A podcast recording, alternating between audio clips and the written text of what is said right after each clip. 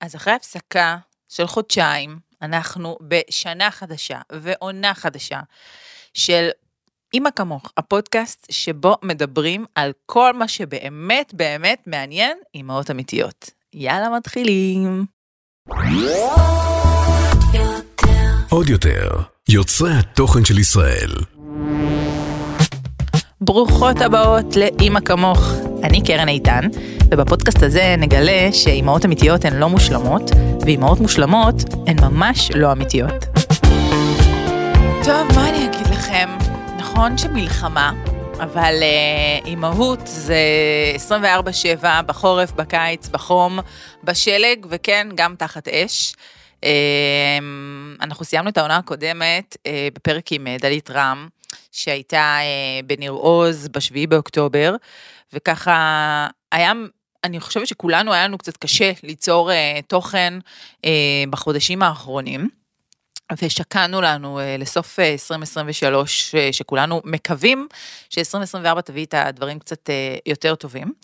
ובפרק הזה אני אספר לכם על הסיום הדרמטי שהיה לי ב-2023, בשבוע האחרון של השנה. אה, בוא נגיד שקיבלתי זבבנג לפרצוף, ודיברתי על זה הרבה באינסטגרם שלי, ואני, אבל לא ממש, לא, לא דיברתי הרבה, סיפרתי על זה בגדול באינסטגרם שלי, ולא ממש הצלחתי להעמיק בזה. אה, לא הצלחתי, כי היה לי קצת מוזר לפתוח מצלמה ולדבר על זה, ודווקא פה הרבה יותר קל לי אה, לבוא ולספר לעומק. אז אנחנו נספר על... אני אפילו לא יודעת איך לתת לזה כותרת, אבל על השיעור השיעור, סבבה. השיעור הגדול אה, שלמדתי, שנראה לי שכולנו יכולות אה, לקחת מזה, כל אחת לעצמה, כמה דברים, אה, אז על זה אנחנו נדבר היום. ואני חייבת, לפני שאנחנו מתחילים, לתת איזושהי מילה על, על המצב שבו אנחנו נמצאים. ממש אה, אתמול, לפני שהגעתי להקליט פה את הפרק, אני, אנחנו מקליטים את הפרק הזה בינואר 2024, ואתמול הייתי במסיבת כיתה של רויטל ויטלזון, אה, המהממת, המלכה האם, ושתיתי ורקדתי ושמחתי, ואיך שהיא עלתה לבמה, בחמש דקות הראשונות, אה, פשוט לא הפסקתי לבכות, היא כאילו עולה ושרה. עם לירון לב, ואני מתייפחת, מתייפחת, אני גם מאוד הורמונלית, וזה קשור לסיפור שאני תכף אספר, ו, ופתאום הבנתי שלא, שלא שמחתי ככה אה, כבר איזה שלושה חודשים. אה, לא שמחתי ולא שרתי ולא התרגשתי ולא, לא אגיד שלא שתיתי, כי הרבה בקבוקי יין נעלמו, אה, נשתו בשלושה חודשים האחרונים, אבל, אבל, לא, אבל לא ככה. תוך כדי השמחה והריקודים וה, וה, והשחרור הזה, הראש מתמלא בתחושות מעורבות ובשאלות, ואיזה זכות יש לי כרגע לרקוד ולשמוח ולשיר. אמ, בלי להתעלם גם מהעובדה שרויטל בעצמה שעומדת על הבמה, בעלה נמצא במילואים כבר שלושה חודשים ובא לה לשבור את חמשת הילדים שלה על, על, על משהו, אז זה באמת תקופה הזויה, ואני חושבת שאחרי שכולנו קפאנו, יש איזושהי אה, הבנה שאנחנו הם, חיים לצד הכאב הזה, וזה בסדר לחיות לצד הכאב הזה. הם, אנחנו נלחמים פה על השפיות שלנו ועל המדינה שלנו ועל השגרה שלנו, ואם אנחנו נהיה עמוק עמוק עמוק בתוך החושך, אין לנו על מה להילחם.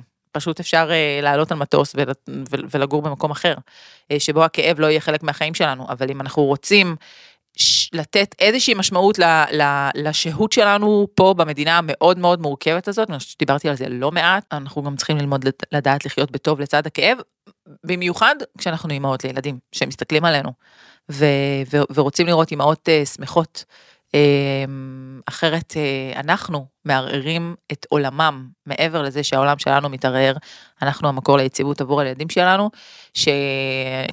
אני לא יודעת מה איתכן, אבל אני בטוחה שכמוני גם אתן מנסות לגונן עליהם כמה שיותר מתוך הדבר הזה שאנחנו חווים, אז, אה, אז לפחות אה, שארשת הפנים שלנו תהיה קצת יותר יציבה, ולתת להם את העוגן שהם צריכים בתוך הטירוף הזה שאנחנו נמצאים בו, כשבערב הסילבסטר אני מעירה אותם ב-12 בלילה כי יש אזעקה ואנחנו רצים לממ"ד, אז, אז לפחות בתוך הטרפת הזאת, להיות הסלע היציב ש, שנותן להם אה, מקור לנחמה.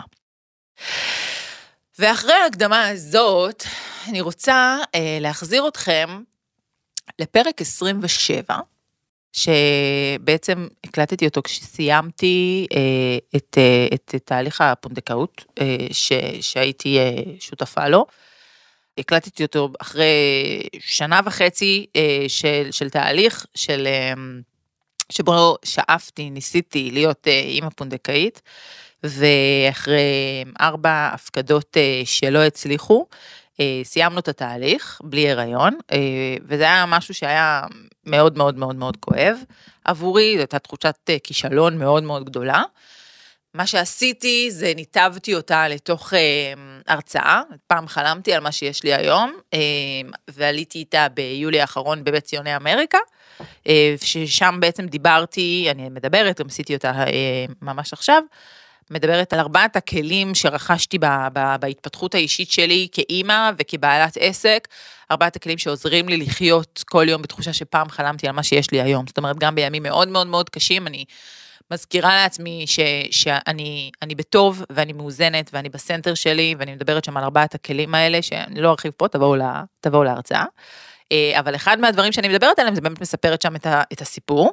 ואת העובדה שחלק מההתאוששות שלי, מה, מהכישלון הגדול הזה ש, שחוויתי שם, או האכזבה הגדולה שחוויתי שם, זה הידיעה שאני עשיתי הכי טוב שלי. ובאמת, התאבדתי על, על הדבר הזה ב-200 אחוז, אה, כדי שזה יצליח, וזה לא הצליח. ו, ומשם בעצם לקחתי את, ה, את היכולת, או אני לוקחת, אני עדיין בתוך זה, את היכולת להתמודד גם עם חלומות שלא מתגשמים לנו, אה, ואיך בעצם אנחנו קמים מתוך האכזבה הזאת.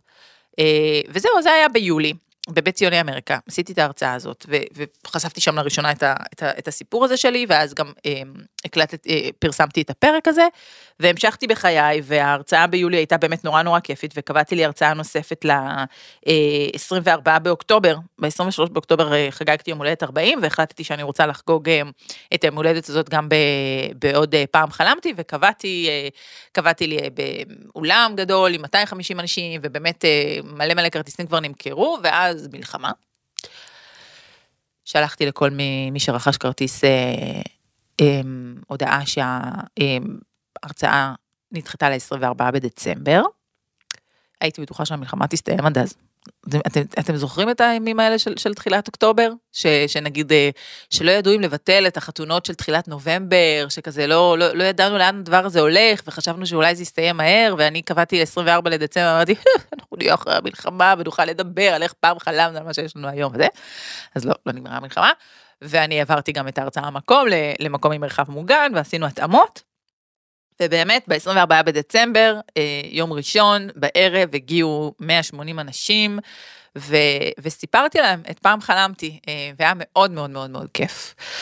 ושוב סיפרתי שם את הסיפור של, ה, של הפונדקאות, ו, ו, ו, ועל על איך בעצם אני, אני מתמודדת עם, עם הדבר הזה של לעשות כל מה שאני יכולה בשביל שמשהו יצליח, ולהתמודד עם העובדה שלפעמים דברים לא קורים כמו שאנחנו רוצים. ו- ולא לשקוע בתוך האבל הזה, אלא, אלא באמת אה, להבין שגם בהורות וגם בחיים בכלל, אנחנו יכולות לעשות הכי טוב שלנו, ומשם זה כבר לא שלנו, ו- ו- ולקבל באהבה את מה, ש- את מה שבא, את מה שמגיע, גם אם זה לא בדיוק מה שתכננו. ואני יכולה להגיד שעד אה, ה-24 בדצמבר התחלתי ככה, היו לי כל מיני מחשבות על עוד איזשהו שיעור שמחכה לי מה, מהסיפור הזה של הפונדקאות. שיעור ש, שגם אני מדברת עליו בפעם חלמתי בהרצאה שלי, אני מדברת על הקשבה לאינטואיציות, ועל בעצם להבין שיש הרבה פעמים תחושות ש, שאני מרגישה, ש, שאני חושבת שעד שהגעתי לגילי המופלג, שיחד עם אה, קמטים בצידי העיניים ו... קושי רציני מאוד לרדת במשקל, אה, מביא איתו עוד כמה מתנות, וזה היכולת להקשיב לאינטואיציה ולהבין ש, שלפעמים כשאני מרגישה שמשהו לא מדויק, אז, אה, אז להקשיב. תקשיבי כפרה, לא, לא, לא צריך כאילו ראש, ללכת ראש בקיר. לפעמים יש דברים שפשוט צריך לשחרר. והיו בתוך התהליך פונדקאות הזה אה, כמה דברים שלאורך הדרך, האמת שממש מההתחלה, שלא זרמו חלק, שלא זרמו חלק, ו, ו, ו, ואני לא הקשבתי לזה, כי היה מולי את החלום הזה של אני הולכת להיות בהיריון, אני הולכת ללדת להם את הילד שהם רוצים. וברור לי שזה יצליח, כאילו אין, אין בכלל אופציה שזה, שזה לא יקרה. ולכן התעלמתי מהאינטואיציות ועשיתי דברים בניגוד ל, ל, ל, לאינטואיציות שלי, גם כשהם לא זרמו חלק.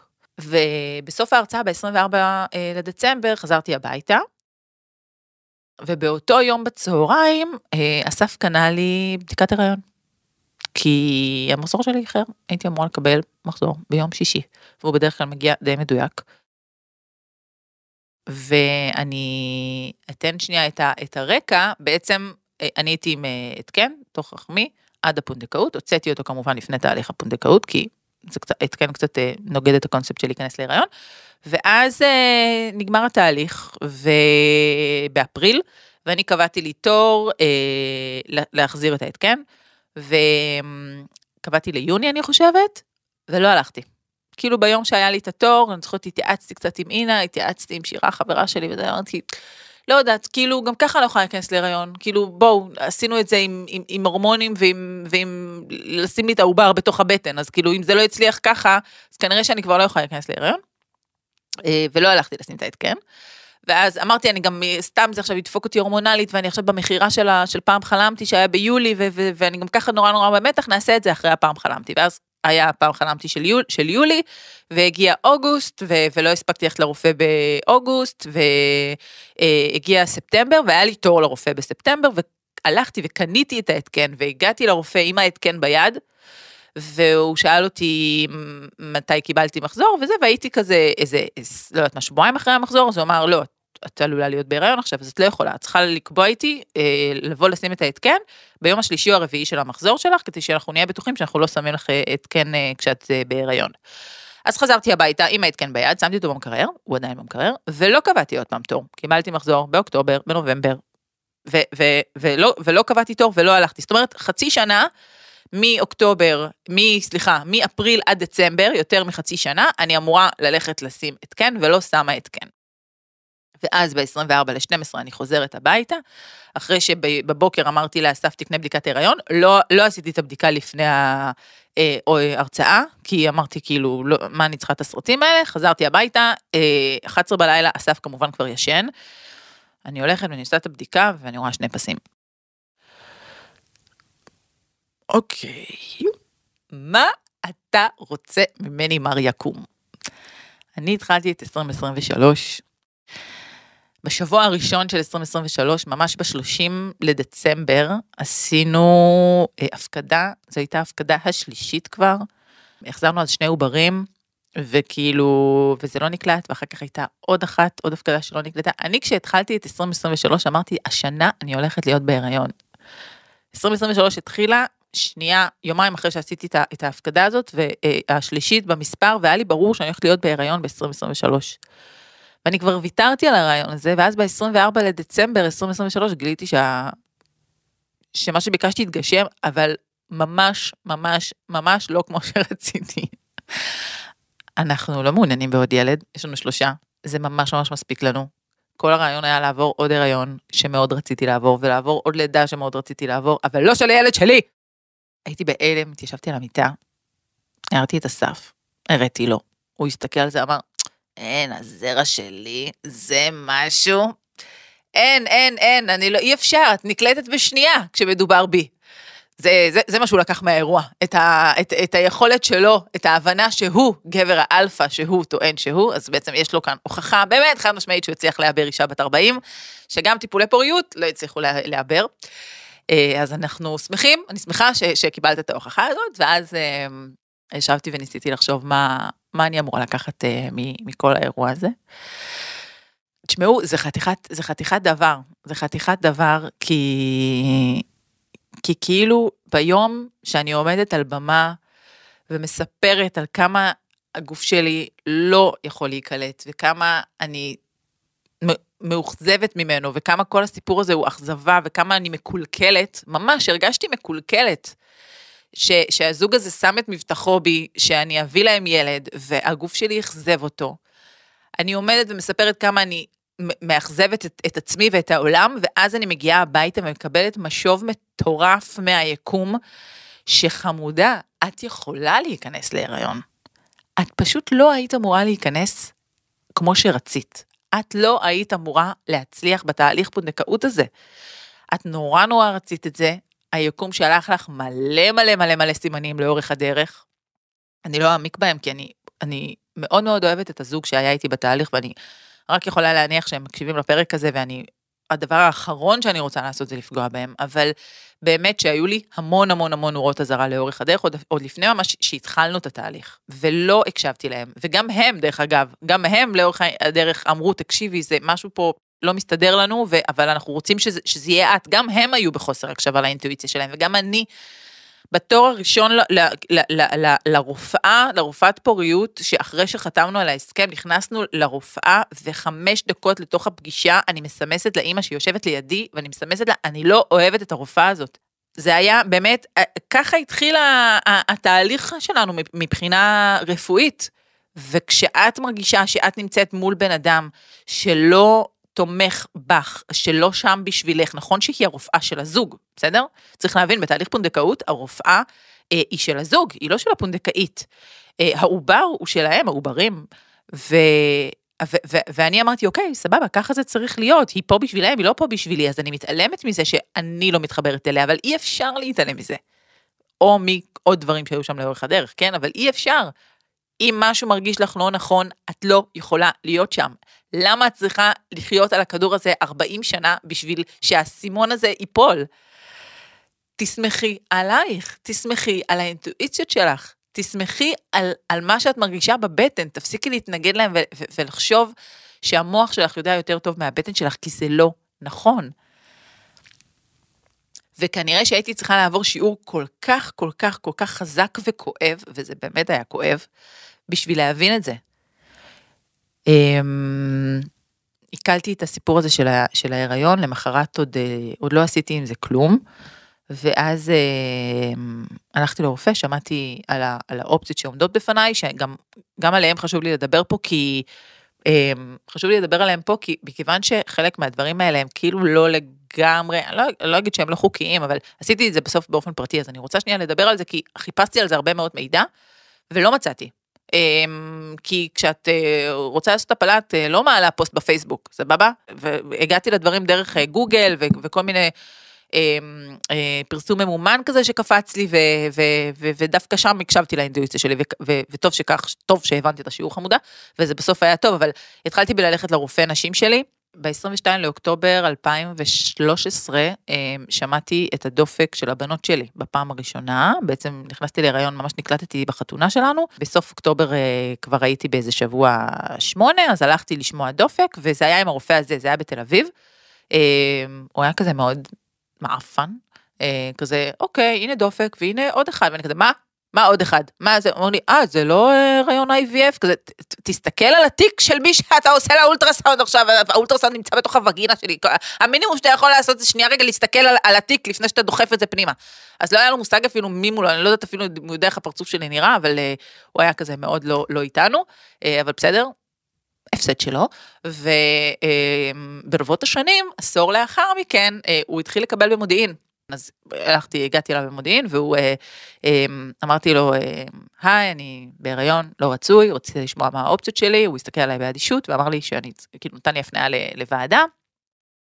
והוא אמר, לפני כן את צריכה לעשות אולטרסאונד ובדיקת דם, ובאותו רגע הלכתי לעשות, ואני נכנסת לאחות, והיא מפשילה לי את השרוול, וביום הולדת שלי לפני חודשיים עשיתי קעקוע על, על הזרוע שלי, שכתוב שם, פעם חלמתי על מה שיש לי היום, והיא מפשילה לי את השרוול ורואה את המשפט הזה, והיא אומרת, איזה משפט יפה.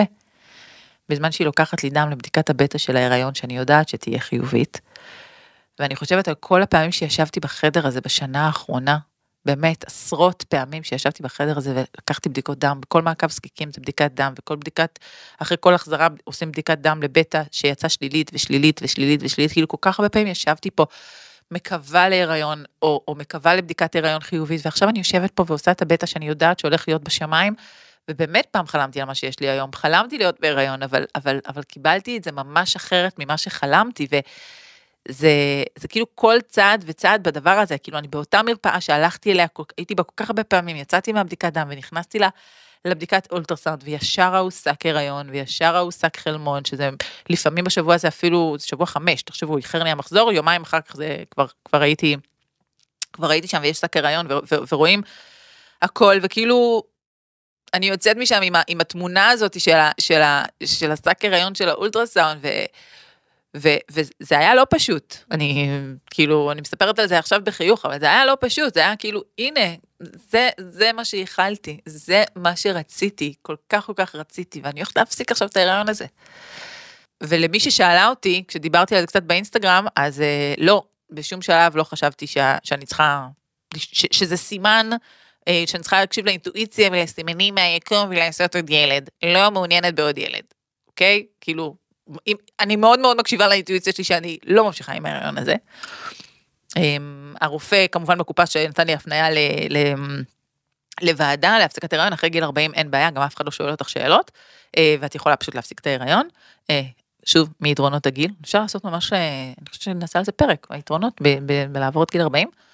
והוועדה בעצם זה אומר ש, שאת צריכה ללכת לבית חולים, אה, את עוברת את הוועדה הזאת, ישר מאשרים לך מעל גיל 40, ואז את אה, מקבלת, אה, ואז את צריכה ללכת הביתה, ואז לבוא, ולקבל כדור, ואז ללכת הביתה, ואז לחזור עוד פעם ולקבל עוד כדור, וכאילו מין טרטרה כזאת עם טפסי 17 ובירוקרטיה, ואמרתי, טוב, אני לא בגיל ולא במצב הכלכלי שאני צריכה ללכת לעשות את זה ככה, אני אשלם כמה שצריך ואני אעשה את זה באופן פרטי.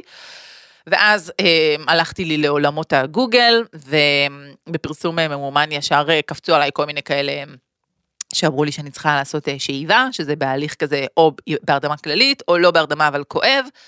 ודיברתי עם כמה מקומות וכבר התכוונתי ללכת אליהם, ואז בסופו של דבר הגעתי למקום שדיברתי איתם, דיברתי עם המזכירה בטלפון, ופתאום היא נשמעה לי נורא נורא נחמדה, וזה התאים בזמנים, וכאילו הכל שם falls into place כזה, אתם יודעים, אם כל הכוכבים מסתדרים בשורה, אז בואו, לשם אתם צריכים ללכת, והיא באמת אמרה לי שבשבוע כזה מוקדם, מכיוון שלא היו לי הפלות בעבר, אפשר לעשות בכדורים ואחוזי הצלחה הם מאוד מאוד גדולים, כי הרבה פעמים כשעושים הפלה בכדורים בשבוע מוקדם, אז בעצם מה שקורה זה שלא אה, לא הכל מתרוקן, ואז צריך לעשות אה, אה, בכל זאת תהליך רפואי של גרידה או שאיבה, אז כאילו למה, ואז כאילו היו כמה מקומות שאמרו לי מההתחלה, בואי תעשי תהליך המאוד מאוד לא נעים הזה על ההתחלה.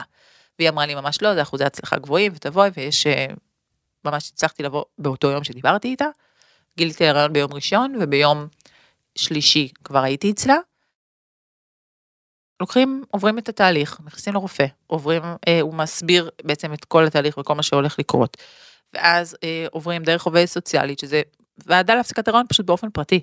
עובדת סוציאלית שממלאה את כל הטפסים ובודקת שאת, אה, אף אחד לא הכריח אותך להיות שם ושאת אה, שמה מטעם עצמך, אה, ושאת בטוחה בהחלטה שלך, ואז חוזרים ומקבלים שני כדורים שנקראים מפיג'ין, שהם בעצם מפסיקים את ההתפתחות של שק ההיריון. והולכים הביתה ובוכים ו... ונפרדים מה... מההיריון הזה שכל כך כל כך רציתי להיות בו. ויומיים אחר כך לוקחים עוד שלושה כדורים או שניים אה, שנקראים ציטוטק שהם בעצם מייצרים סוג של צירים. אה, בשלב הזה זה לא מרגיש כמו צירים זה מרגיש כמו כאבי מחזור ובמשך שבוע בערך יש כמו מחזור כזה אה, שמרוקן את הבפנוכו של הרחם ובעוד שבוע שבועיים אני צריכה ללכת לאולטרסאונד, לראות שהרחם מתרוקן לגמרי, ואם לא, התרוקנה לגמרי, סליחה, ואם לא, אז אני, אה, אז הולכים ב, לעשות באמת הליך כזה של גרידה או של שאיבה, שאני מאוד מקווה שאני צריך להימנע ממנו, אבל אני יודעת שמה שעברתי עד עכשיו היה מאוד פשוט וקליל, אז אה, אם נצטרך, נצטרך, אבל אה, לפחות ניסיתי להימנע מההליך הזה. אמ, וזהו, כך הסתיימה שנת 2023.